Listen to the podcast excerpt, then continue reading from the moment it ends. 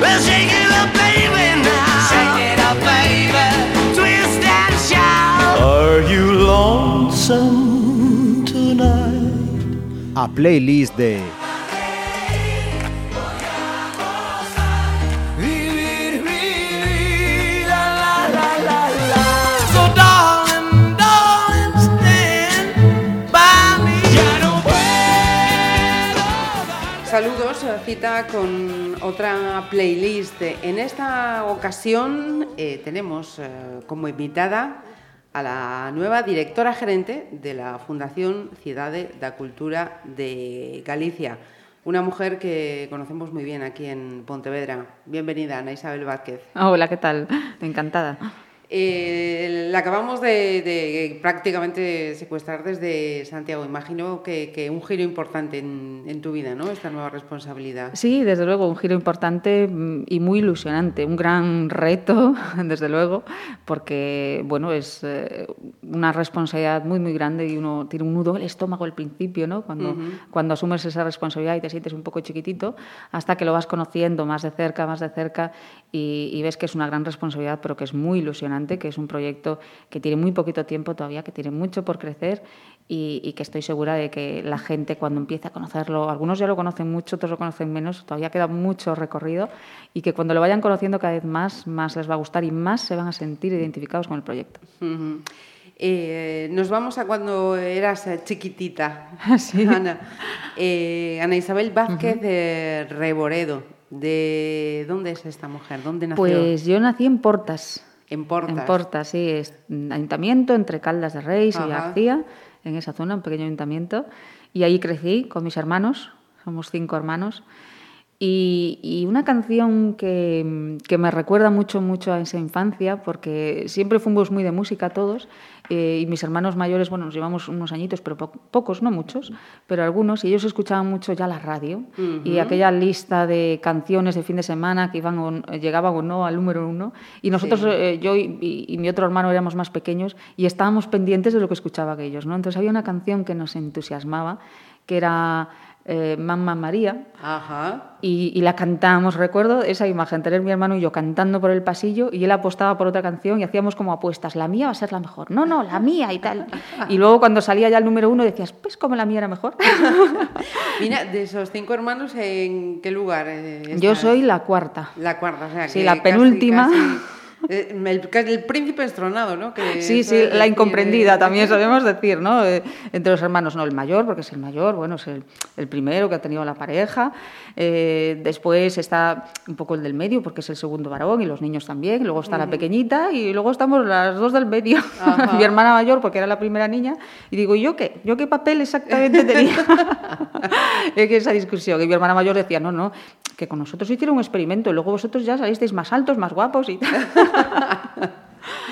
Y siempre no. la- las puertas que van abriendo, ¿no? Sí, Igual, sí, eso sí. Siempre mayores. los padres un poco más estrictos, a lo mejor cierto es, con los primeros, ¿no? Y ya con los últimos van abriendo un poquito más la mano. y entonces los mayores siempre decían, sí, sí, pero los otros no nos dejaban salir hasta más tarde y vosotros ya veníais más tarde a casa. Ah, al- alguna ventaja tenía que Claro, tener. digo, alguna ventaja hay que tener, ¿no? Sí, ya, ya los padres estaban como diciendo un poco más cansados, venga. Mira, y lo de Portas era eh, por circunstancias eh, profesionales de, de tus padres o son. No, mis padres son de allí, son eh, de diferentes parroquias. Mi padre nació en, en Lantaño y, y mi madre nació en Romay y bueno, se vinieron a, se casaron y, y- tuvieron casa y tienen casa y siguen viviendo allí en Lantaño. Ajá. Entonces íbamos al colegio preescolar allí en la misma parroquia, íbamos andando muy cerquita de casa. Y después ya a partir de los seis años íbamos a lo que entonces se llamaba EGB, que hoy en día es la Sí. educación primaria, antes era educación general básica, íbamos en, en autobús hasta Portas, hasta el centro escolar de, Porca- de Portas. Y allí estudiamos los cinco hermanos. Y después ya, pues cuando ya pasabas esa etapa, se acababa el EGB y empezabas el bachillerato o la formación profesional, pues ya íbamos a Caldas de Reis, que era la siguiente población más cercana, en autobús también. Y luego ya a partir de ese momento, pues bueno, eh, si iba por una rama FP que ya no lo había todo en Caldas, pues mi hermano mayor estudió una parte aquí en Pontevedra, en Axunqueira. Y recuerda cómo ha cambiado Pontevedra. ¿no? Ajá. Eh, mi hermano mayor eh, estudió aquí en Pontevedra, pues creo que a lo mejor hace treinta y pocos años. Ujú. Y entonces la Pontevedra entonces, de cuando él venía a estudiar aquí, a la de hoy en día, ha cambiado muchísimo. Ahora vive en Pontevedra nuevamente desde hace pocos años, pero que no tiene nada que ver. Y él le cuenta a su hijo, y dices, claro, sí, Pontevedra ahora, pero la Pontevedra que yo conocí cuando me vine en el instituto y veníamos a clases aquí era muy, muy diferente. Afortunadamente ha cambiado, ha cambiado mucho, ha cambiado muchísimo y para bien. Y para bien. Y para bien. Es una ciudad fantástica, muy cómoda para vivir, muy tranquila y, y muy agradecida. Y luego otras, pues bueno, pues hemos ido cambiando, pues hoy íbamos a, a, la universidad y ahora estamos así un poquito repartidos. Yo creo como Pues, todas las familias. ¿eh? Sí, supongo que sí, que las circunstancias, eso. Mm. En algunos vida. casos, afortunadamente, están todos juntos, en otros, pues En otros, lleva- pues la vida te va llevando y Sí, sí. luego, bueno, sigue avanzando y nunca se sabe ¿A dónde vas a, dónde vas a a ir dónde a vas a acabar. ir? Aún nos queda, espero, mucho recorrido. Seguro, seguro que sí. Mira, nos citabas, Ana, esa, esa primera parada, va a ser la primera parada musical, ¿no? Esas quinielas entre hermanos sobre Sí. cuál era la, la canción, eh, pues eh, de los 40, imagino que sería. Sí, que imagino que ser- sería. No recuerdo así la emisora. Recuerdo que había música, que ya mis hermanos empezaban así a preadolescentes y empezaban a ponerle volumen a la radio y mi madre se enfadaba. Y entonces cuando mi madre salía y no la oían, escuchaba el volumen fuerte. Y nosotros que éramos pequeños nos encantaba. Bailábamos, bailábamos por el pasillo, por todos lados. Pues hacemos parada con aquellos, aquel trío, ¿no? Eran los Richie e Poveri.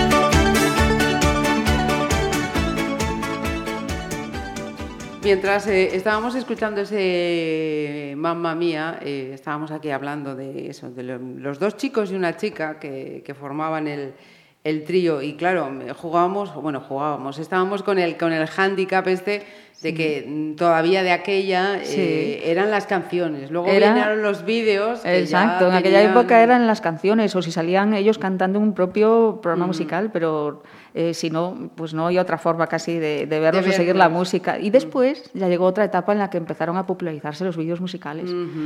Y, y veíamos eh, programas de música, que también había los sábados, y, y tenía una amiga que tenía vídeo en casa, nosotros no teníamos, ella tenía vídeo, y entonces grabábamos todos los vídeos musicales de aquellos grupos que nos gustaban o que Ajá. estaban de moda en aquel momento. Y los sábados por la tarde o los domingos quedábamos y veíamos los vídeos, bailábamos en el salón, cuando ya sus padres se iban a la siesta o algo. Aprovechabais. Aprovechábamos, veíamos los vídeos y además los vídeos antes yo creo, creo, ¿eh? a lo mejor me equivoco, pero me daba la sensación de que algunos de ellos contaban más la historia. Bueno, nos encantaba ver al, al artista que era como si lo vieras cerquísima. Sí, Estaba porque se planteaban muchos como, como pequeñas películas. como pequeñas películas, Sí, eh, sí. eso. Y entonces, bueno, pues eran como que te contaban una historia y además veías a, a tu artista favorito allí o a los más famosos, ¿no? Y, y nos encantaba los sábados y, y siempre después decía, grabaste, grabaste eso. Bueno, lo cogía a medias, pero... Lo que no sé es cómo aguantaron muchos vídeos con la de rebobina. Sí, sí, bueno, eso hay que reconocer que se estropeaba mucho, que, que luego ya otras que no usábamos le poníamos allí el truco para re- regrabarlas encima. Es cierto, es verdad, es verdad. es verdad. Regrabábamos los vídeos una y otra vez. Cierto, cierto, cierto. Y algunas veces que borrabas lo que no tenías que borrar y cuando Sí, te dabas sí. cuenta era como toda una tragedia. Dios mío, borré. Mucho cuidado, pero ¿dónde has grabado? Cierto. Sí, señor. Eh, es lo que tiene que compartir la, la misma La misma generación. Sí. que nos acordamos que la música y aquellos programas de música, ahora hay más, hay, hay Mm. canales exclusivos, pero todo, entonces no, había unos canales más limitados Mm. y unos eh, programas de música que eran unos días, una hora muy concreta, solía Sí, ser o los sábados, por la tarde, sí. es.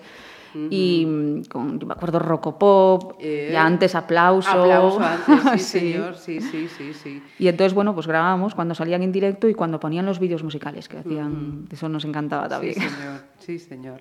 Mira, Ana, eh, mencionabas eso, tu, tu hermano cuando vino a estudiar aquí a Pontevedra. En tu caso, eso, habías pasado la EGB a Portas, luego a Caldas. Al bachillerato, sí. ¿Y cómo, cómo fue aquel momento bachillerato? ¿Era muy estudiosa aquella Ana Isabel? Bueno, yo siempre fui una alumna que me, que me gustaba estudiar, me, me gustaba aprender.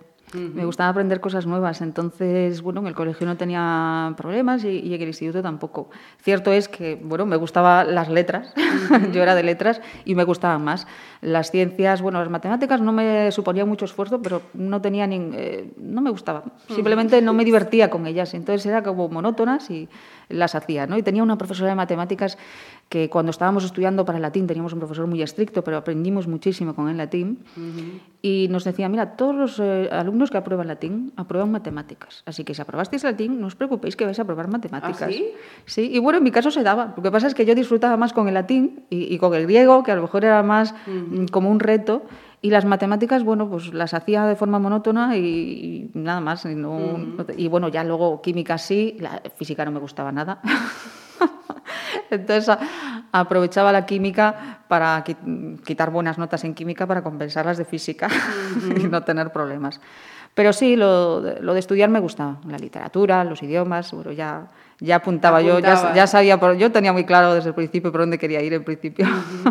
Lo de latín y, y- y griego, eso era los que teníamos clarísimo, clarísimo, Sí. que éramos letras. que había aquella eh, separación letras. entre, a partir de segundo de BUP, que tenías ya que escoger o, lentra- o letras o ciencias. Sí, y luego había... terminar segundo y olvidarse de todas aquellas asignaturas de ciencias era una liberación Totalmente. absoluta. Había, bueno, la rama de ciencias Mixtas. mixtas, y letras mixtas, ¿no? Eso es. Y yo había cogido letras puras, además, decir, hasta luego, física y química. Es, y vamos a por el griego. Y vamos a por el griego, que esa era nueva en tercero.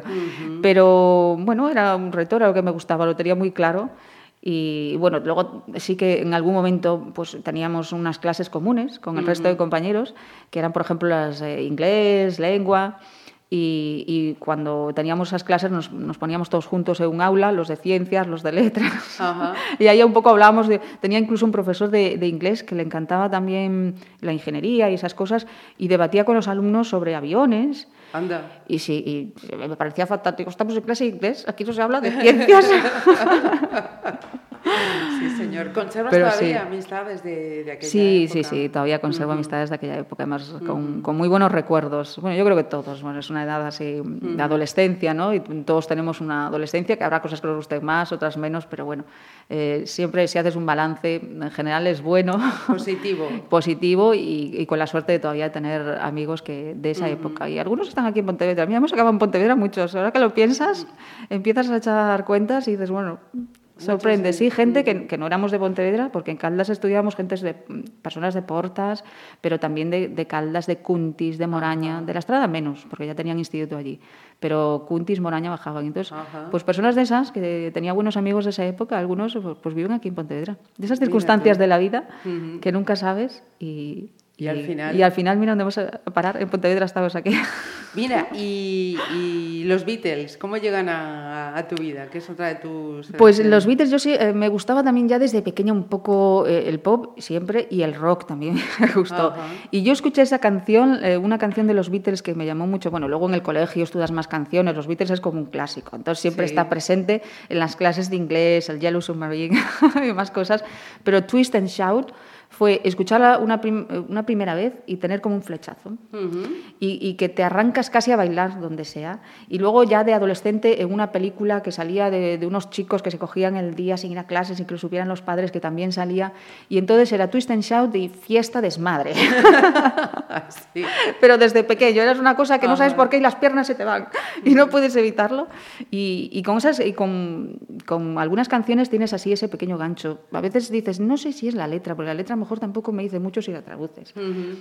Pero es la música, es algo en ella que hace que se me la piel o hace que se, las piernas se me vayan solas y demás. Y con Twist and Shout fue una de esas canciones que, que te hipnotizan y que, que te arrancan. Todavía me siguen gustando. ¿eh? Mi marido le gustan mucho los Beatles y a veces vamos en el coche y va poniendo una, va cambiando otra.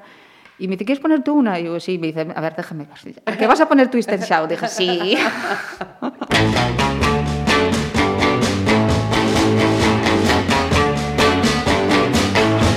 Well, shake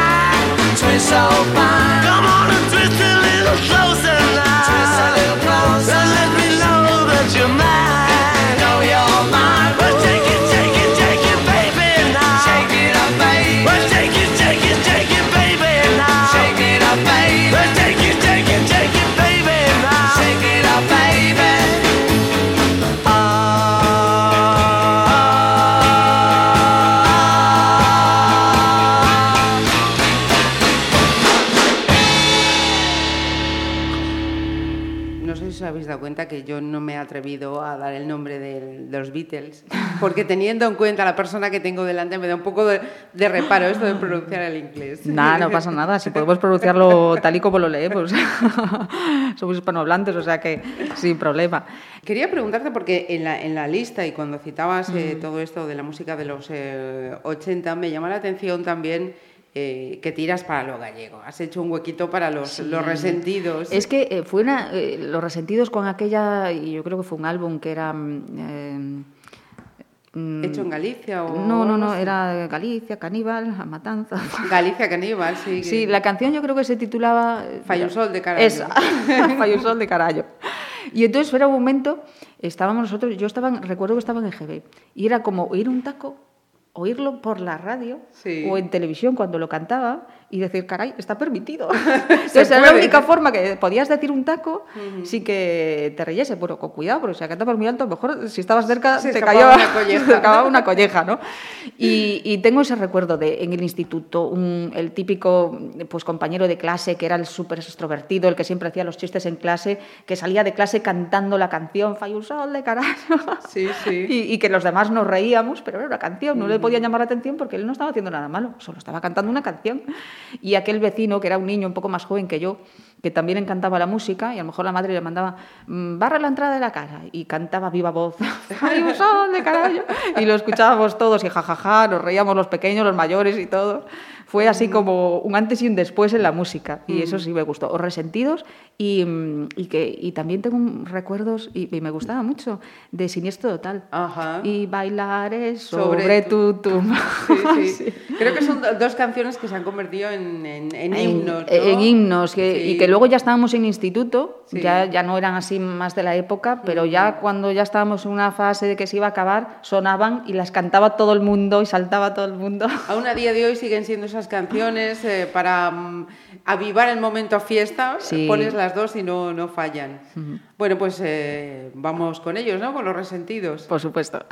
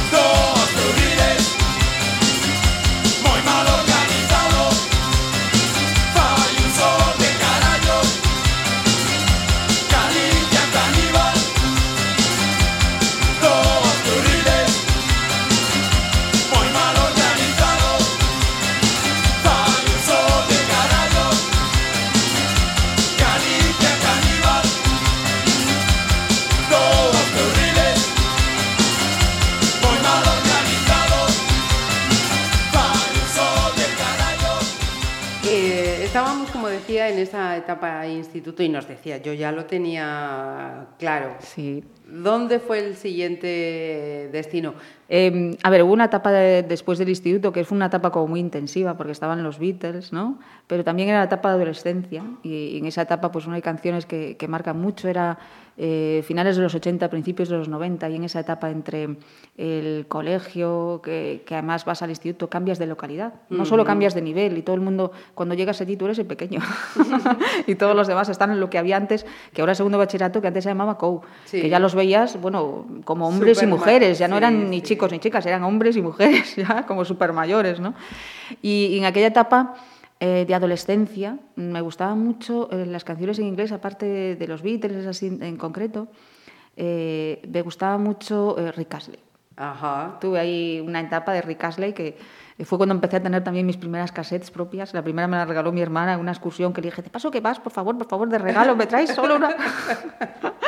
el primer disco, la primera cassette de Rick Astley y, y me había hecho ese favor y, y, bueno, yo creo que fue un poco toda esa música de finales de los 80, que habían productores, había un- tres productores británicos muy famosos, eh, Stock Aitken Waterman o algo así eran, que producían canciones para Rick Astley, para Kylie Minogue, para Jason Donovan y para muchos de aquella época, que fueron un poco los autores de quizás la música disco, Sí, pop de la época. Y entonces todas tienen así como mucho en común, son así como muy parecidas y toda esa música, bueno, nos encantaba. nos encantaba hasta que después vas creciendo, van surgiendo otras cosas, da siguiente paso, el siguiente paso después de CO es pues ya una carrera que ya tenía un poco pues yo creo que clara ya desde antes del instituto, ¿no? Desde que empecé a dar clases de inglés, que quería estudiar filología inglesa. Y te fuiste a, A Santiago. Me fui a Santiago de Compostela y con algunas amigas, porque otra amiga también estudió filología inglesa conmigo del instituto, con lo cual ya no estaba sola en la facultad. Yo, ¿no? Ya Sí, cambiabas. ese tránsito con compañía es importante. Sí, claro, cambias de repente eh, de, pues de Caldas de Reis a una ciudad mucho más grande, que es Santiago de Compostela, en otra provincia ya. Para nosotros era un cambio enorme. Eh, nos fuimos juntas a una residencia de estudiantes, a una residencia pública, que era el Burgo de las Naciones, que estaba eh, al lado de la facultad. O sea que Ajá. tampoco había que madrugar mucho. Si no desayunabas, en cinco minutos te arreglabas, estabas en la facultad. Salías corriendo y ya estábamos. Y luego con otras eh, compañeras que estudiaron otras carreras, pero que nos fuimos juntas a la misma residencia. Entonces ya, bueno, vas un poquito más confiado, ya no te sientes solo en una ciudad, ya no te sientes tan pequeñito. Y, y muy bien, la verdad es que bueno, la carrera era un poco como esperábamos, aunque los planes de estudios cambiaron, nos tocó un plan de cuatro años, que luego cambió a cinco, que nos volvían locos con las asignaturas y con las clases y con la cantidad de libros que teníamos que leer, de literatura inglesa, americana, que no teníamos tiempo para todo, que nos leíamos resúmenes, ya no sabíamos lo que hacer, nos veíamos películas cuando había películas, que eso era otra, tampoco había internet entonces. Sí, O, ok. eh, lo de internet estaba todavía en unos inicios, no es como hoy en día que dudas, vas a internet, a Wikipedia, a Google y allí está. El mundo abierto. De todo. Es más, en el, en el doctorado ya te dicen que mires en Google Docs, y en, en Google Academy, Ajá. que busques referencias y demás. Pero entonces Internet estaba en sus fases iniciales. Entonces eran las bibliotecas. Entonces de allí a la biblioteca de, de la facultad. Y como éramos mogollón, cuando ibas a pedir el libro ya no estaba. entonces tenías que ir a la biblioteca general, al medio, allí a la zona vieja. Y si no, pues a la biblioteca de alguna otra facultad. Y, y bueno, una etapa con mucho cariño también, de muchas experiencias. Pues es adolescente, joven, te vas a otra ciudad con un grupo de amigos, empiezas a vivir solo, una residencia de Es- estudiantes. empiezas a hacer tu vida. Empiezas así a hacer tu vida un poco eh, como quieres y, y- y un poco a tu manera, un poco porque bueno estás muy limitado. O sea, es- Sí. eh, vives en una residencia donde hay unas normas que tienes que cumplir, no te queda otra, no es como una casa. Y aunque bueno no están tus padres, pues tienes pues un dinero Sí. limitado que es para volverte el fin de semana, para comer y, y para Sí, pues sí, comprarte unos salías libros y lo- poco que podía salir. Pero bueno, era más la diversión con estar con los amigos que a veces el, el tener dinero para salir, que eso era lo de menos. Pues eh, nos quedamos con ese momento, mm, seguro que noche santiaguesa, con Rick Astley. No, Rick Astley era antes, ¿eh? Ya fue antes. Sí, Rick. Astley fue antes. Rick Astley fue en la etapa del instituto, en el paso de, mm, yo creo, de, sí, de primaria, lo que antes era GB, a- al instituto. Eh, ya en la facultad, pues ahí ya empezabas a escuchar un poco más de todo. Empecé a escuchar música clásica por primera vez, porque yo cuando tenía una asignatura de, de música en el instituto, eh, conocía algo del bolero de Ravel, pero tuvo un profesor que, que estaba empañado con el canto gregoriano y nos daba un montón de teoría, teníamos que coger apuntes, era siempre por las tardes, con además era a las 4 de la tarde que venías con la comida un poco ahí atragantada y luego nos ponía el canto gregoriano en, en CD, allí con la radio, que era lo que había entonces, el soporte. Entonces acabé cogiendo un poco de manía. Y luego ya en la facultad pues empecé a escuchar música clásica por mi cuenta y con algunas series que hubo en televisión y empecé a cogerle mucho, mucho gusto a, a la música clásica, sobre todo música así como, como alegre, ¿no? Me, me encantaba Strauss y, y demás. Y luego, bueno, pues ya dentro de- del pop rock que a mí me gustaba, eh, Bruce Springsteen, Tina Turner. Tenía, de hecho, en, en la residencia de estudiantes, el primer año que estuve, la residencia estaba como, era muy grande, había como 500 plazas y estaba dividido por fases, fase A, fase B y fase C. Y nos colocaron el primer año que yo estuve alfabéticamente. Entonces a mí por Vázquez me tocó las fin. últimas habitaciones y casi la última planta de la última fase. ¿no? Y el chico que estaba al lado, que también se apellidaba como yo, no nos conocíamos al principio, pero cuando llegaba la hora de comer era muy respetuoso, ponía la música altísima y ponía Bruce Springsteen y casi siempre ponía Dancing in the Dark, que me Ajá. encantaba. Bueno, por lo menos, hubo suerte. Sí, entonces no le llamamos la atención y decían nada. Yo encantada en ese momento dejabas y decía, sí, este es el momento de relajarse, la música ya la pone él, yo solo escucho. Pues eh, si te parece, vamos a ir un poquito atrás en el tiempo, recuperamos a Ray Casley y volvemos a hablar de esa etapa universitaria.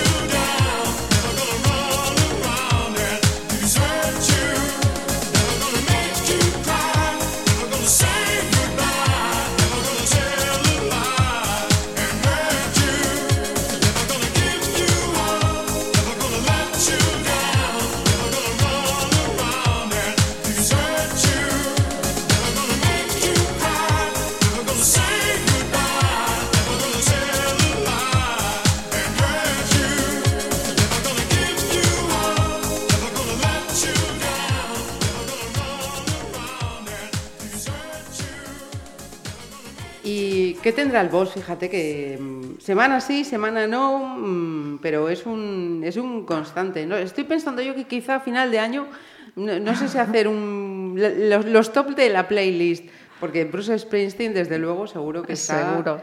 Sí, sí o sí. Es uno de los genios de la música. Yo creo que en, en- la vida de casi todo el mundo, eh, pues alguna canción de, de Bruce Springsteen te ha tocado. A mí Bruce Springsteen es algo, eh, es un cantante que me encanta, me gustan mucho sus canciones. Hay algunas que que las escuchas años después, a lo mejor una- después de una temporada no haberlas escuchado y a lo mejor ya no sientes lo mismo, eh, te hacen sentir indiferente, y otras que, que son canciones que no envejecen nunca, que ya tienen muchos años, que ya no son de la última etapa del blues, pero que son canciones que siguen eh, conmoviéndote, que te ponen la piel de gallina. Y, y hay una canción que ya es de los últimos años, porque de las primeras hay muchas de blues que me gustan, pero de un álbum que quitó The Rising, eh, había esta, una canción eh, y que se titulaba... anotado el Waiting on Sí, a- Waiting on a Sunny Day. Es que siempre me acuerdo del Sunny Day, pero no me acordaba que venía antes. Eh, y que me gusta muchísima, que es una canción súper positivo. Lo escuché a lo mejor en una etapa en la que pues ya no estás de ánimo tan bien, porque bueno, te pasan cosas a nivel personal, laboral a veces, ¿no? Y creo que fue un momento de escucharla, de cerrar los ojos, y es una canción que, que te hace conmover, ¿no? Que desde abajo y desde ese momento que te sientes tan bajo que crees que dices, bueno, mm, no soy nada, eh, hace que de repente veas la luz, sientas esperanzas y fue una canción de cerrar los ojos y de repente abrir y decir, tiras para adelante, que puedes y seguro que todo va a ir bien. Y de alguna forma la canción luego tuve mucho, porque a veces son sensaciones que te dan las canciones, que luego Sin cuando las traduces a lo mejor la letra no dice eso que a ti esa sensación te daba o que te inspira la música, ¿no? Pero en ese caso en la letra también dice algo así, ¿no? Eh, es esperando por un día soleado y un día soleado metafóricamente, en el sentido de la esperanza. Y, y en la letra luego la canción, pues eso, dice, bueno, que como que hay que tener esperanza, que hay que seguir y, y que somos fuertes. Entonces es una de esas canciones que escuchas, que no quieres que nada, ni una mosca la perturbe, que quieres escucharla solo con el sonido y la voz de Bruce Springsteen y que te, te hace sentir muy bien y cuando estás así un momento un poco de bajón te motiva un poco para tirar y decir, no pasa nada, seguimos y, y podemos con esto y, con se más. puede. Sí. Y nos has dicho también dos, eh, dos selecciones de Bruce Springsteen, otra que es una mítica, el Dancing in the Dark. Sí, Dancing in the Dark, que era esa canción que tenía un compañero vecino de habitación en la residencia de estudiantes. Esta era la del vecino. Esa era del vecino de la residencia de estudiantes que la ponía siempre, de dos a tres, y además ponía siempre la misma. Que recuerdo ya que cuando empezamos a conocernos, empezamos a familiarizarnos, decir, ¿por qué siempre pones la misma? Le decían algunos. Y yo decía, déjalo, está muy bien, está muy bien escogida la canción, no hay problema. Tú, yo decía, yo soy tu vecina más directa, ¿no? Yo no tengo problemas, así que no te preocupes por los demás. Pues venga, un momento Bruce Springsteen, ponemos las dos, ¿te parece? Vale, perfecto, sí.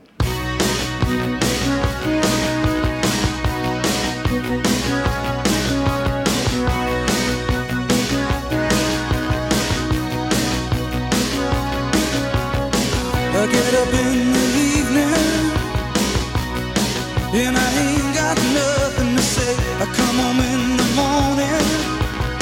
I go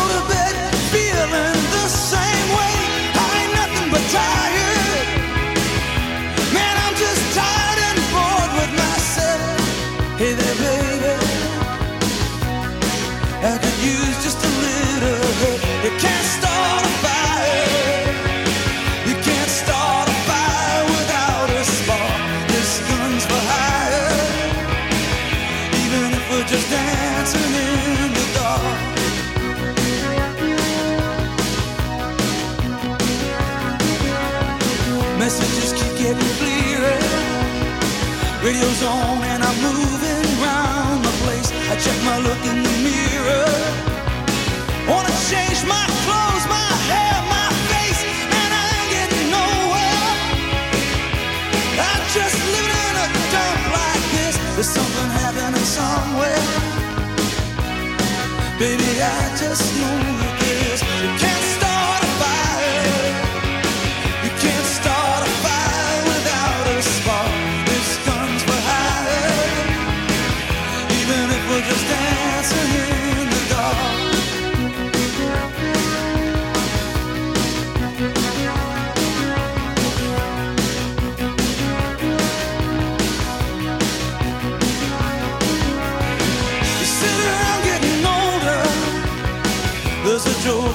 it's on me. I shake this world off my shoulders.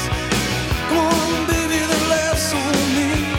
Stay on the streets of this town, and they'll be carving you up alright. You say you gotta stay hungry.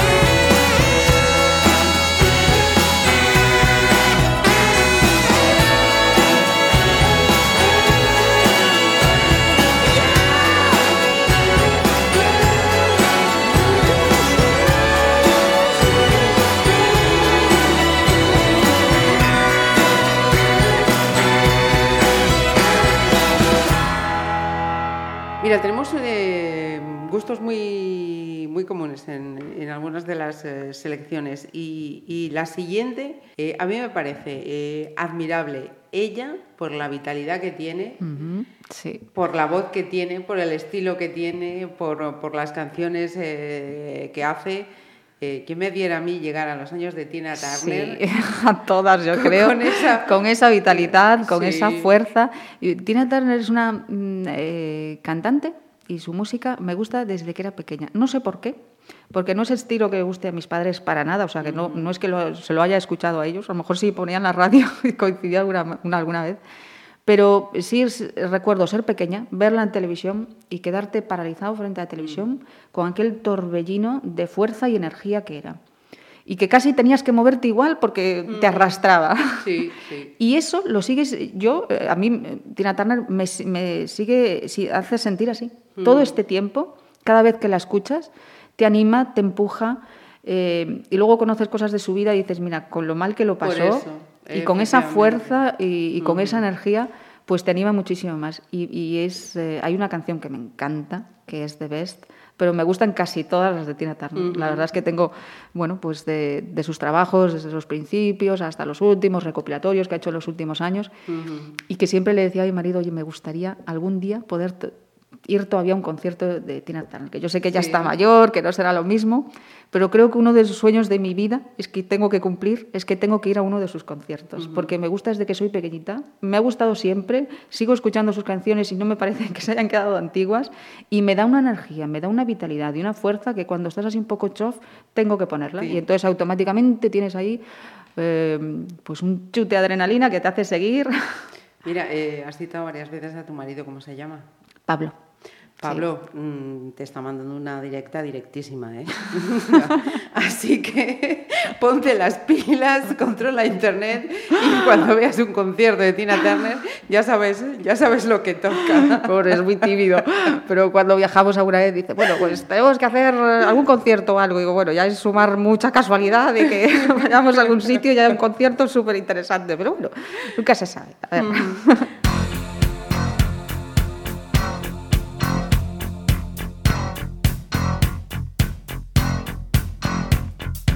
call you,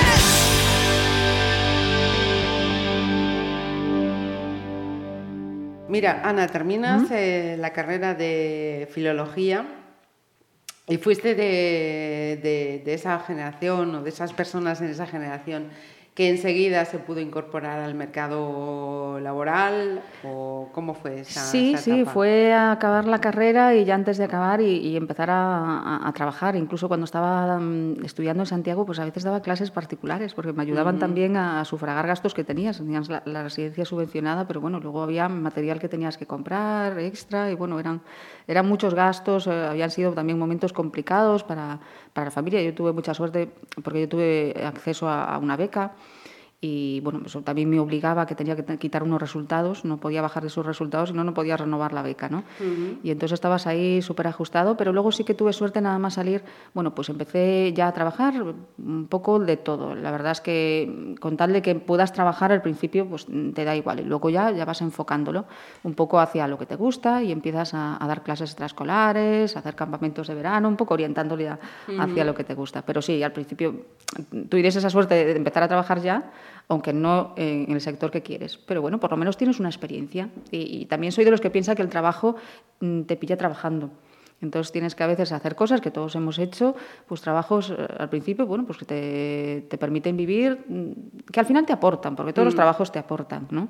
Hay trabajos que a veces no te gustan, pero que luego te das cuenta, bueno, pues que te ayudan a superar timidez algunas veces, o bueno, te dan cierta experiencia que de cara a la vida y a futuros trabajos luego te das cuenta que te sirven. Y entonces, bueno, somos yo creo que de esa generación que, que empezamos aceptando diferentes trabajos y luego a medida que estábamos en ese íbamos cambiando otro, íbamos cambiando otro, ¿no? Y así sucesivamente hasta que íbamos orientándolo ya a través del camino que, que queríamos y que nos gustaba. ¿Y, y cuándo llega ese trabajo en el que dices, em, sí, esto es lo que yo quería? Bueno, pues eh, yo creo que con el tiempo, ¿no? Vas aceptando y vas viendo lo positivo de cada trabajo. Sobre todo lo piensas un poco en el momento en el que vives. No pienses en- a largo plazo, porque si no, pues puedes agobiarte. Entonces dices, bueno, ahora tengo esto, me permite ser independiente, que me parecía fundamental. Eh, Tus padres te habían ayudado durante mucho tiempo, te habían ayudado a estudiar la carrera que tú querías, tampoco te habían puesto pegas. No lo entendía mucho, decía, no sé, si de filólogo se puede vivir, ¿tú crees que puedes vivir de esto? Y yo siempre decía, bueno, si a mí me gusta, ya buscaré la forma de vivir. ¿No? Si algo te, gusta y te motiva, luego tú encuentras también la forma de, de poder vivir de ello. Y, y- y poco, a pie- poco a poco, a medida que vas, que vas viendo, que vas pasando por trabajos, vas orientando también cada vez más hacia lo que te gusta. ¿no? Y empiezas clases extraescolares, empiezas primero con niños pequeños que no habías trabajado nunca y que no sabían ni leer ni escribir y que al principio decías, ¿y qué les voy a enseñar? ¿Cómo voy a hacer? ¿no? Y encuentras la forma de que ellos vayan aprendiendo. Eh, luego ya campamentos, luego llega un momento que dices, "Uf, los campamentos son agotadores, si puedo no hacer campamentos, voy haciendo otra cosa y te vas guiando hasta que yo creo que fue cuando llegué un poco a la universidad y tienes la oportunidad de dar clases a, adultos también, que tienen otro enfoque y otra perspectiva de la vida, cuando dices, qué bien, qué bonito, eh, qué fácil resulta comparado con, lo- con los niños que tienes que motivarlos o los adolescentes, ¿no? que tienes que animarles siempre constantemente, aparte de los contenidos, tienes que hacer otra labor. Aquí ellos ya están allí porque quieren, entonces, bueno, resulta mucho más sencillo, es una etapa muy enriquecedora porque la gente es muy, muy agradecida y de hecho, pues me encuentro con exalumnos constantemente pues por la ciudad o en diferentes ciudades o por internet que te buscan y, y es un trabajo muy, muy agradecido. Ujú. Estás hablando de la etapa UNED. Estoy hablando de la etapa UNED, sí. Eh, y hacemos otra pausita, Sí. si te parece, antes de preguntarte por otra etapa. Mm, Silvio Rodríguez, ese es el momento más mm, relajado todavía, más pausado. Silvio Rodríguez, eh, Silvio Rodríguez entró en mi vida como si lo hubiera conocido de pequeña en el, en el Anda. colegio y luego volvió años más tarde, ya cuando ya estaba trabajando. Eh, le conocí porque tenía una profesora de lengua que, aparte de las clases de lengua, le gustaba mucho ponernos poemas y ponernos canciones de cantautores. Y así fue como conocí a cantautores y de Luis Eduardo Aute, que me gustaba mucho en aquel momento, y de Silvio Rodríguez. Y recuerdo a Silvio Rodríguez la canción Ojalá. Esa fue la que me marcó más, así como otras, bueno, pues no me llamaron mucho la atención.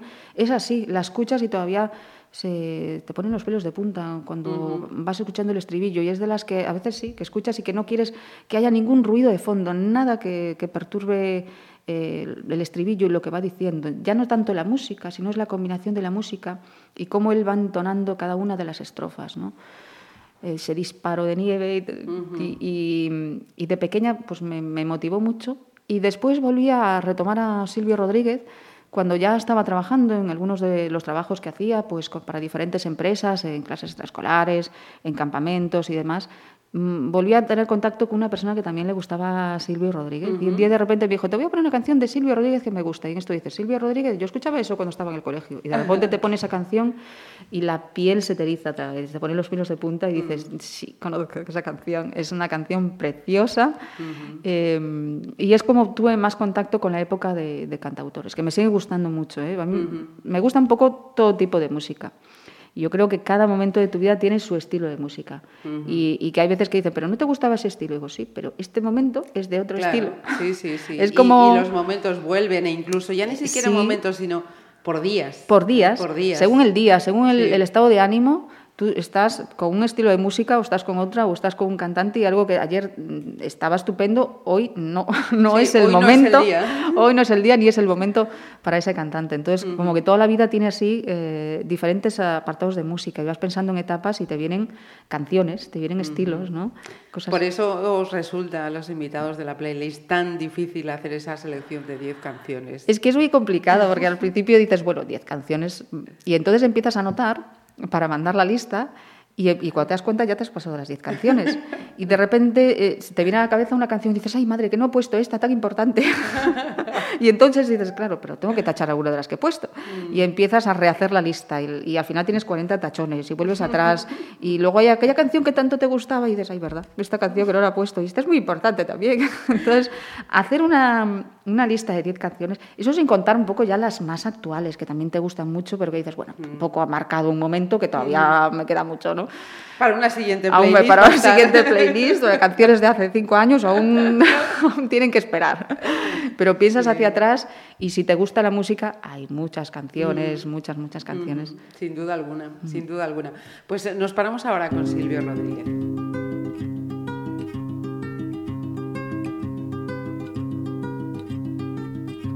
Ojalá que las hojas no te toquen el cuerpo cuando caigan. Para que no las puedas convertir en cristal. Ojalá que la lluvia deje de ser milagro que baja por tu cuerpo. Ojalá que la luna pueda salir sin ti. Ojalá que la tierra no te bese los pasos. Ojalá se te acabe la mirada constante, la palabra precisa, la sonrisa perfecta. Ojalá pase algo que te borre de pronto, una luz cegadora, un disparo de nieve. Ojalá por lo menos que me lleve la muerte para no verte tanto, para no verte siempre en todos los segundos, en todas las visiones. Ojalá que no pueda tocarte ni en canciones.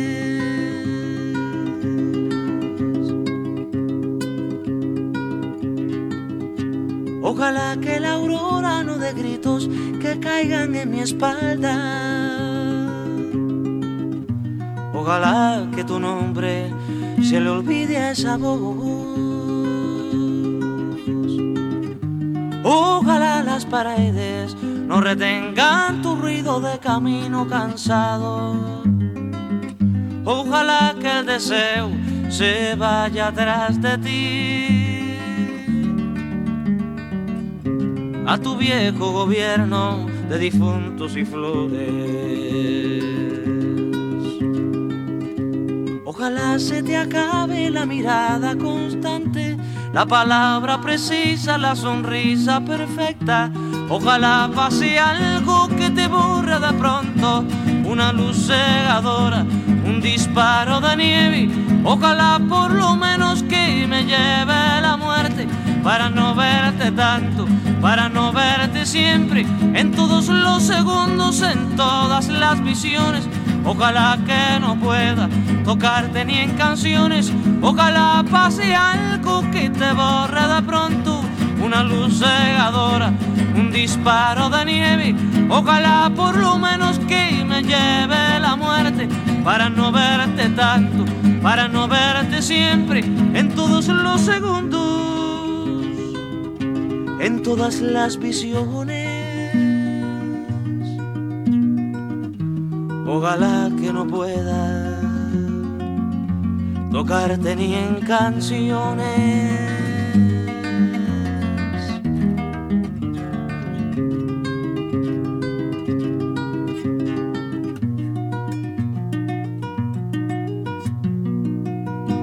Yo estoy mm, delante de una mujer que mm, creo, corrígeme si no es así, ¿no? Ujú. Con mucha timidez. Pero Sí. que en las distancias eh, cortas desaparece ese celo, ¿no? Que en principio Sí. parece que... Y, y yo creo que ya soy mucho menos tímida de lo que era.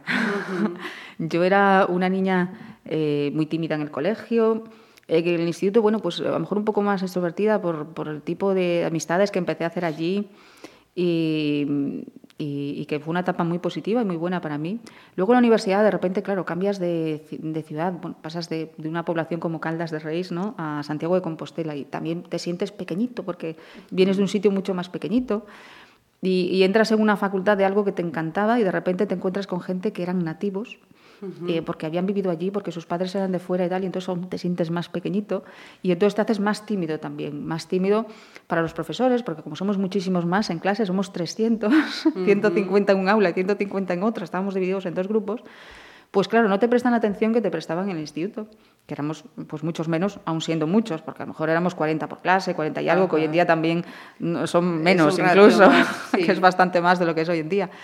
Y entonces te- yo creo que te haces más tímido, o, o- o buscas fuerzas para ser más extrovertido, o te haces más tímido. Y luego ya, a medida que va pasando el tiempo con, con los trabajos, que no te queda más remedio que ser extrovertido, eh, bueno, pues lo intentas. Aún así hay una parte de ti de timidez que, que dices, bueno, a veces el anonimato me encanta, eso ir por la calle y que nadie te conozca, ir a comprar pan y tal, que luego te conoce todo el mundo, aunque tú pienses que no, te conoce todo el mundo. Y luego ya cuando hablas con alguien en confianza, pues un poco bajas las barreras, pierdes un Sí. poco más esa timidez, porque bueno, crees que la otra persona también está igual de receptiva que tú y, y es la forma de, de conocerte, mm, bueno, realmente personalmente y, y saber exactamente cómo eres. ¿no? Hay quien, eh, yo recuerdo un profesor que decía que eso, esos son mecanismos de defensa. Sí. Yo creo que también tenía un profesor que decía que era como una coraza, ¿no? Esa, esa timidez es, es una coraza que te pones y que a veces haces como que no lo eres, pero que el fondo lo eres, porque tampoco te estás protegiendo cierta intimidad y, y- y tu personalidad, porque es tu parte sensible. Y, y es siempre cierto mecanismo de defensa, ¿no? de autodefensa, que lo hacemos in- inconscientemente, lo creo que lo hacemos Cierto. todos, ¿no? Damos a conocer un poco nuestra parte, bueno, pues quizás más extrovertida, pero luego tenemos siempre una parte reservada, más personal, eh, que reservamos pues para nuestras amistades, para nuestra familia, para nuestra pareja, para nuestros, bueno, para el círculo Tu entorno más próximo. más íntimo, ¿no? Mira, y, y esto de la política, ¿cómo llega, Ana? Pues esto llega de casi de casualidad, a ver, de, de adolescente y esas cosas pues me gustaba, incluso en el, en el colegio yo me presentaba para delegada de curso, no me Sí. escogían, yo creo que no me escogían casi nadie, que también yo tenía así como mucho sentido de la justicia, ¿no? Además, tenía una amiga que si se metían con ellos en clase yo tenía que defenderla siempre, aunque no tuviera razón. que mi hermano me decía, eres una defensora de pleitos pobres, que te metes en cada cosa, por favor. Eso ya siendo niños sin saber lo que hacíamos y los que nos metíamos, ¿no? Y, y estando, estando en la UNED eh, trabajando, pues surgió un día así, eh, sin pensarlo, de repente te hacen el ofrecimiento, tú no contabas con ello, te pilla desprevenido, te pasas días pensando pros y contras, ¿no? Pero eh, sí que una cosa que me ha gustado siempre era ayudar a los demás, y lo hacía con el trabajo que tenía en aquel momento, que era eh, bueno, por dar las clases. Pero además de dar las clases, nosotros intentábamos facilitar al máximo eh, la labor de estudio. Reconocíamos en la UNED que bueno, pues era gente que retomaba los estudios después de años y eso les costaba muchísimo. Entonces intentábamos darle las máximas facilidades, simplificarle, hacerle esquemas, buscarle información, decirle cómo podían. Y ellos estaban eternamente agradecidos porque tenían un trabajo, tenían una vida y luego aparte querían avanzar con sus estudios. Y, y esa fase de querer ayudar a los demás fue un poco lo que me tomó, eh, lo que me ayudó a tomar la decisión de decir, bueno, pues doy el, santo, el salto a la política, ¿no? Y a, a ver qué tal. Y al principio todo el mundo dice, ¿qué tal? ¿Te gusta? ¿Te gusta? y, y cada vez te gusta más. Y cada vez te gusta más y, y llena una parte de ti que antes no, no sabías que podías hacer. Porque al- antes de, al no hacerlo nunca, pues a lo mejor era una etapa que no, no me había planteado y, y que por tanto, bueno, era casi como no existiese. Y de repente estás en ello, puedes hacerlo, ves que ayudas a los demás, que la gente te lo reconoce, algunos sí, otros no, pero, pero tú ves simplemente que puedes hacerlo y que das al máximo por intentar ayudar al máximo número de, de personas que puedes. Y, y si en algún momento esa parte no está, porque luego hubo un, un cambio de gobierno y, y durante un tiempo estuve fuera, eh, haces otras cosas, vuelves a lo que tenías, pero tienes un vacío. Tienes un vacío, sí, que, que nada te llena, que puedes hacer otras cosas, puedes entretenerte con otras cosas, pero siempre tienes la sensación y un hueco ahí que no te están llenando las otras actividades. Antes que algo te, te llenaba plenamente, ahora descubriste una parte de ti que podía hacer algo más y, y esa parte cuando ya no lo haces eh, está vacía. y está hueca y, eh, y hueco y no lo, no lo llenan otras actividades. Entonces te apuntas a muchas cosas. Pues sigues en la UNED y entonces me apunté a clases de alemán y intentaba hacer más actividad para, para llenarlo, aunque bueno, luego asumes que dices, bueno, pues es una parte que no voy a llenar, que algún día, bueno, si hay la posibilidad de, de volver, pues estaría encantada y, y si no, pues ya iremos aprendiendo a vivir con ello, no pasa nada. Fuiste concejal del PP, diputada provincial. Em, ¿Quedan eh, algunos sinsabores o, como decías antes, e- esas cosas al final mm, son de las que mm, se olvidan? Bueno, a ver, siempre hay, eh, en, en etapas, siempre hay cosas positivas y negativas. No hay ningún trabajo que sea absolutamente perfecto, que todo sea todos los días eh, eternamente maravilloso, sino que, bueno, hay, hay fases complicadas. Y, pero bueno, si lo pones una, en una balanza, yo eh, considero positivo en general, aunque haya habido cosas que te haya gustado más o menos. Pues fue una etapa también muy dura, fue el- pues una etapa de entramos en una crisis económica muy fuerte y la vida de las personas cambió muchísimo, muchísimo en muy poco tiempo. Y entonces también los recursos que había no tenían nada que ver con los que había anteriormente. Y, y todos tuvimos que ir adaptándonos a lo que era ese momento. Y, a la gente le costó y a las instituciones también le costó y, y no se daban a- bueno, adaptado y a pensar que estábamos en otra época, con otras circunstancias que había eh, que apoyar pues más que nunca a las personas y que, sin embargo teníamos para ello menos recursos de los que había habido muchísimo tiempo, ¿no? Entonces fue una etapa muy complicada, pero luego ves que, bueno, aun a pesar de- del momento, de las dificultades, de, de muchas cosas, eh, se hicieron cosas muy buenas y muy positivas. Entonces lo pones en una balanza y dices, bueno, sí que compensó. y aparte, yo tengo, siempre digo, mi sino es llegar a los sitios cuando han dejado de ser un chollo. en el momento más complejo, en el momento de mayor dificultad, me toca a mí. Cuando llega esa tormenta, entonces, Entonces, ahí hay ahí que- estoy yo en la tormenta. hay entonces, hay que llevarla como se puede. y, y bueno, yo creo que el resultado eh, en general fue bueno. Hay pequeños sinsabores y, y en general, bueno, pues si tienes ese hueco y ese vacío es porque te gustaba. Sin en el duda. fondo, a pesar de las dificultades, pues eh, hubo muchas cosas que se pudieron hacer y entonces, bueno, tenías ese, ese pequeño Ese vacío. pozo queda ahí. Mm. Mira, y Dulce Pontes, este es un tema pre- precioso. Esa canción de Dulce Pontes eh, me enamoró la primera vez que la escuché. ¿Cómo, cómo la pronunciamos? Que yo y el portugués no. Yo tampoco soy de portugués, ¿eh? Yo soy más bien de germánicas y francés, estudié francés en la carrera, pero cansado de mar, creo que es. ¿eh? que me- nos corrijan los portugueses o alguien que sepa portugués. Y es una canción preciosa, también de esas que, mm, que te llegan hasta el corazón, ¿sabes? El- la escuché por primera vez, yo creo que mm, cuando vi una, pel- una película de Richard Gere. Las dos caras de la verdad. Eso es. Eh, que le regalaba un CD y tal, salía como casi al principio de la película y, y ponía así un poquito de música y me quedó impactada y entonces empecé a buscar eh, de quién era esa canción. Y, y no la escuché y es, es una canción preciosa. Y mm, a mí me encanta Portugal, me gusta muchísimo. Cada vez que, que, tienes, que tengo oportunidad, pues viajo a Portugal, al norte, si tengo más tiempo, un poquito más al sur. Siempre, de momento, voy en coche. y, y- y a mi pareja también le gusta muchísimo Portugal. Y, porque es como si te trasladaras en el tiempo. Ajá. Portugal es como actual, pero de repente es como si tuvieras un flashback y que nada más entrar en Portugal es como si estuvieras ya en el siglo pasado y disfrutando de ese momento. Entonces, y la gente es muy amable. Y recuerdo que estábamos, eh, yo creo que era por Oporto, con el coche intentando buscar una dirección y de repente en la radio empezó a sonar esa canción. Y nos quedamos los dos en absoluto silencio, casi emocionados. Y cuando acabó la canción estábamos casi los dos con la lágrima en el ojo, diciendo, qué bonito, qué momento mágico acaba de pasar y no sabemos cómo. Sí, sí, sí, sí, sí. Y Sí, de esos sí. momentos hay con diferentes canciones y, y cansado de más de, de Dulce Pontes, esos- de esos momentos mágicos que recuerdas en la vida. ¿Te acuerdas aquella vez que estábamos en Oporto buscando dirección y de repente empezó a sonar esa canción que nos gusta a los dos?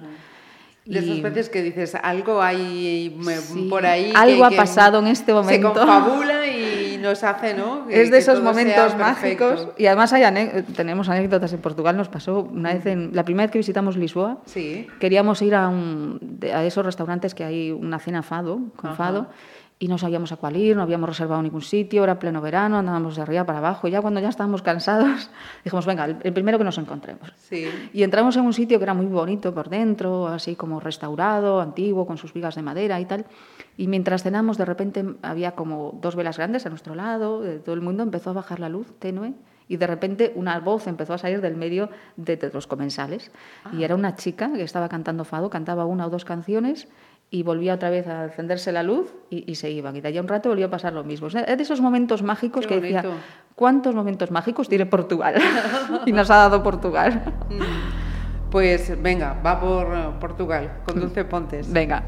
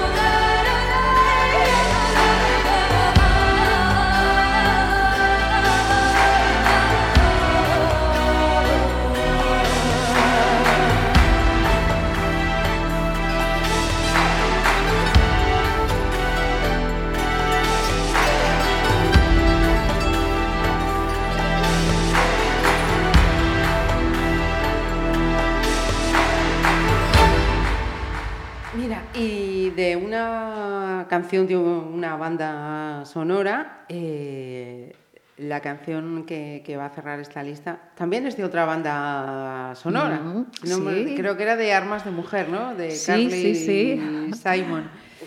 Y quería preguntarte, pues, eh, por esa etapa ¿no? actual, de la que ya nos has hablado de alguna manera al comienzo de, de esta eh, entrevista, ¿no?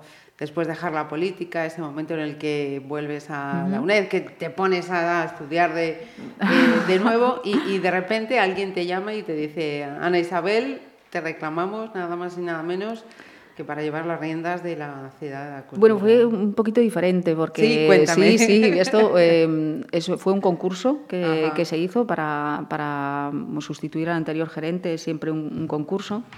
Y entonces había que presentarse. Yo no sabía, lo vi, lo vi de casualidad y no sabía ni cuánta ge- gente se iba a presentar ni nada. Y entonces dije, bueno, ¿qué tengo que perder? Nada. El tiempo que me lleve a hacer el proyecto y tal. Y entonces estuve un montón de días buscando información para hacerlo hasta que al final surgió. Y entonces al Ajá. final sí que ya te llaman, bueno, tienes que ir a defender el proyecto y demás. Y te dicen, bueno, pues, pues has resultado Es elegida, tuyo. es tuyo. Y entré en ese momento, te entra así como un nudo en el estómago, ¿no? De, de responsabilidad, de que de repente te das cuenta que estás dando otra vez, pues, ¿no? otro paso, es otro peldaño, en otra dirección, que nunca sabes, bueno, eh, empiezas con mucha ilusión, nunca sabes cómo te va a llevar, pero lo apuestas todo. ¿no? Es como cuando cambias de trabajo, decides cambiar porque dices, bueno, este es el momento en el que tengo que dar un, un cambio, ¿no? Y se me presentó esa posibilidad y, y entonces en ese momento dices, bueno, tiro para adelante y aceptamos, ¿no? Sabiendo que, que es un gran reto, es una gran responsabilidad, de aquello es un complejo enorme, con, con mucha actividad y todavía muchísimo para hacer, porque en realidad llevan eh, cinco años que cumple este año el Museo de, el museo de, del Gallás. Ajá. Todavía eh, van a celebrar su quinto aniversario este año. Entonces, bueno, es como eh, un complejo muy joven, con, muchísimo, con muchísima vida y con muchísimos proyectos por delante. Están después de quizás una primera etapa de consolidación. Ahora tienen que empezar una etapa de, de proyectos y, y una etapa de dar a conocernos y, de internalización. ¿no? Eh, han estado en Latinoamérica con alguna exposición de José Suárez, después de hacerla en la Ciudad de la Cultura. Y ahora vamos a ir a París a llevar esa misma exposición que ha estado en la Ciudad de Cultura y probablemente, es probable que luego vayamos a Tokio. Entonces, bueno, y, y que luego van a empezar en proyectos eh, internacionales. Entonces, bueno, empiezas así como con muchísimo sentido de la responsabilidad, sabiendo lo que significa con los temores iniciales, porque si no, uno no tiene temor, si no tiene un poco ese sentido de la responsabilidad, eh, yo eh, considero que, que no lo estoy haciendo bien del todo si no tengo ese sentido de la responsabilidad y ese miedo inicial. ¿no? Pero bueno, intentando decir nada. Hay que coger el toro por los cuernos, saltar hacia adelante y, y- y venga, es un Pero también proyecto ese, nuevo. ese bagaje que tú traías de diputación con tantas iniciativas culturales. Bueno, te ayudan, mucho, sí, te ayuda mucho, te ayuda un poco para conocer eh, cómo se mueven, cómo funciona. Al fin y al cabo, pues eh, funciona también de una forma similar, no, no es tan distinto. Entonces, bueno, pues todas esas estru- estructuras, todo ese conocimiento te ayuda para que cuando empiezas a asimilar, que al principio estás ahí como aquella película que había mm, un robot. robot. Eh, que creo que se llamaba cortocircuito, que decía datos, Ah, datos, sí, ¿te acuerdas? sí, sí. Pues yo al principio estaba en esa fase de dadme datos para ponerme al día cuanto antes y empezar a funcionar y me sentía un poquito así. Entonces, bueno, empiezas a, a recibir información, ves cómo han funcionado y dices, bueno, pues tampoco somos, no son tan diferentes ¿no? de cómo son otras instituciones. Hay muchísimas cosas que, que son en común y desde luego todo ese bagaje te ayuda y te ayuda mucho. Y entonces lo agradeces y dices, bueno, menos mal que tenía esta etapa porque si no empezar aquí desde cero esto es un poco una locura.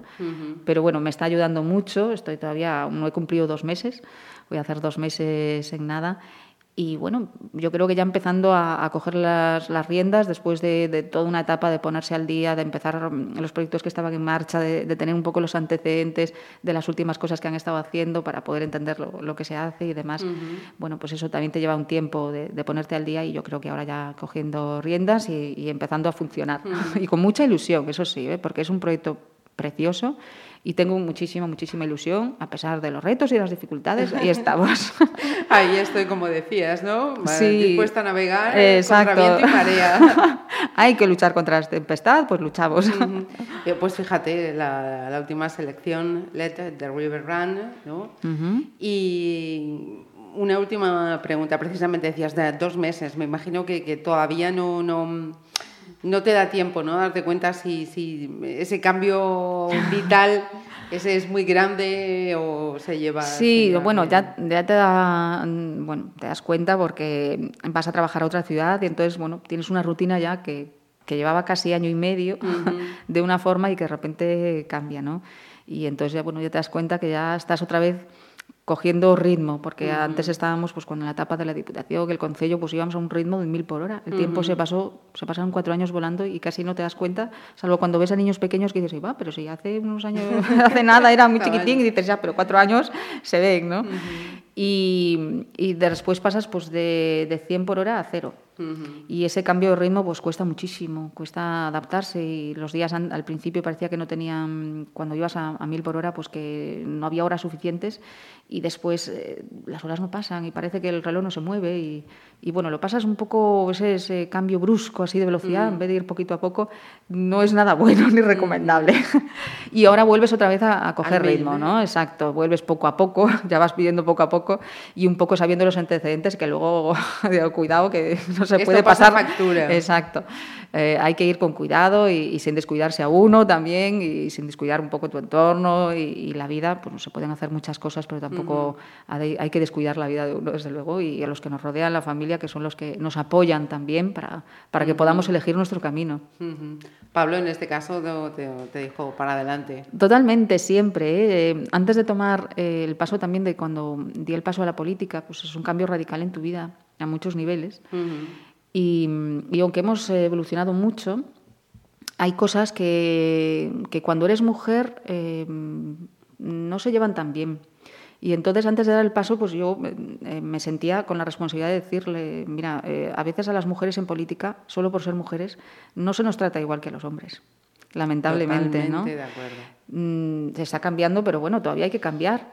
y, y hay muchas que cosas que cambiar. Y la más mínima, a, a la mujer siempre se le da un poco más de caña o, o lo que sea. Y entonces digo, mira, tienes que entender que esto puede pasar. y que si puede pasar, tú tienes que llevarlo y yo tengo que llevarlo. Yo tengo que llevarlo, pero lo voy a llevar mejor si tú lo llevas conmigo y si lo llevas bien. Si tú no lo vas a llevar bien, yo no lo voy a llevar bien. Entonces, digamos que damos el paso juntos o no lo damos, ¿no? Y todo lo contrario, me animo siempre a dar ese paso y es de, de los que más te, mo- te motivan a, a seguir y, a- y avanzar. Y cuando estaba más parada, bueno, le, ve- le vería estupendo porque podíamos tener pues eh, unas vacaciones juntos que en cuatro años no habíamos tenido, una vida más normal y más tranquila, pero también sabe cómo soy y, y sabía, no decía, tú estás desaprovechada, ¿eh? Él sabe que yo no soy de estar en casa, que soy una persona muy activa y que me faltaba actividad. Y decía, no te preocupes, que con lo activa que eres ya verás como en breve algún día te va a salir un proyecto que te va a gustar mucho. Y entonces cuando surgió esto, eh, está encantado. A pesar de que, bueno, que, estamos, que nos vemos muy poco, que tenemos que, que buscar esos huecos para estar pues, por lo menos un poco juntos, pero sabe que yo estoy bien y entonces él, él está bien. Entonces, tener a alguien que, que te apoye así, para, yo, pues, para todos, es fundamental. En nuestras carreras laborales, pues en la vida necesitas a alguien, pues el resto de tu familia que te vayan apoyando. ¿no? Complementando, sí. Mm. Eh, pues eh, explícanos por qué nos has elegido para terminar este Let the River Run de Carly Simon. Porque mm, Let the River Run es una canción eh, que me empezó a gustar en su momento, cuando la escuché, pero creo que es una canción muy actual que da eh, mucha fuerza a, a las mujeres, ¿no? un poco lo que comentábamos. Las mujeres llevamos en el mercado laboral muchos años, eh, llevamos intentando luchar por los derechos y hemos conseguido muchos, y parece que casi hemos conseguido la igualdad, pero todavía, eh, en pleno siglo XXI, estamos luchando por cosas muy esenciales. ¿no? Y, esa canción eh, para mí es, eh, representa quizás eh, ese esfuerzo y esa lucha constante, pero con vista desde un aspecto muy positivo, desde la independencia total de la mujer y la recuerdo desde cuando era adolescente, en esa etapa en la que estás en los últimos años del instituto y ya planeas hacia dónde quiere ir tu vida, que vas a vivir sola y qué quieres hacer el resto de tu vida porque vas a estudiar eso, ¿no? Y entonces te ves, dices, yo quiero ser independiente. Le agradezco a mis padres todo este esfuerzo porque ha sido enorme, pero yo tengo que dejar que ellos hagan su vida y tengo que poder ser independiente, exacto, vivir por mí misma y, y, bueno, ganarme yo, hacer con mi vida, pues lo que con lo que yo gane, pues hacer lo que quiero, ¿no? Y esa canción recuerdo que fue de esa banda sonora de esa película, pero también de una serie que duró poco, pero que en aquella etapa eh, potra- protagonizaba Sandra Bullock y se titulaba Chica trabajadora, Working Girl. Ah, Y yo recuerdo que me parece que venía a casa al instituto después de comer y la veía en esa franja horaria o, o algo así. Además era una chica también que después de los estudios empezaba a trabajar en Manhattan, cogía el ferry y tal. Una chica, una Sandra Bullock muy joven. y, y te sentías identificado. Y dices, yo quiero ser así, quiero estudiar lo que quiero, quiero salir y empezar a trabajar. Y trabajar para ganarme mi vida y ser independiente y hacer lo que yo quiero. Y las mujeres podemos hacerlo igual que pueden hacer los hombres. Y esa lucha, bueno, la tienes constantemente. La tienes mientras estudias, mientras das la carrera, mientras empiezas a trabajar y sigues teniendo que luchar. ¿no? Todavía hay muy pocas mujeres eh, pues, en los consejos de administración de muchas empresas. O sea, todavía tenemos mucho campo que, que recorrer. ¿no? no es que solo tenga que haber mujeres, pero tiene que haber más normalidad. Pues mira, eh, recientemente, en, este, en estas últimas semanas, hemos tenido una mujer que está ocupando la subdelegación de gobierno Sí, la conozco, una chica fantástica, Ana, Ana Ortiz. y tenemos a Ana Isabel Vázquez al frente de una fundación tan importante como es la Ciudad de la Cultura. Así que, Ana, de verdad, muchísimas gracias por hacernos un huequito Nada, un y muchísima suerte en esta nueva etapa. Muchísimas gracias. Cuando queráis vosotros, aquí estoy de vuelta.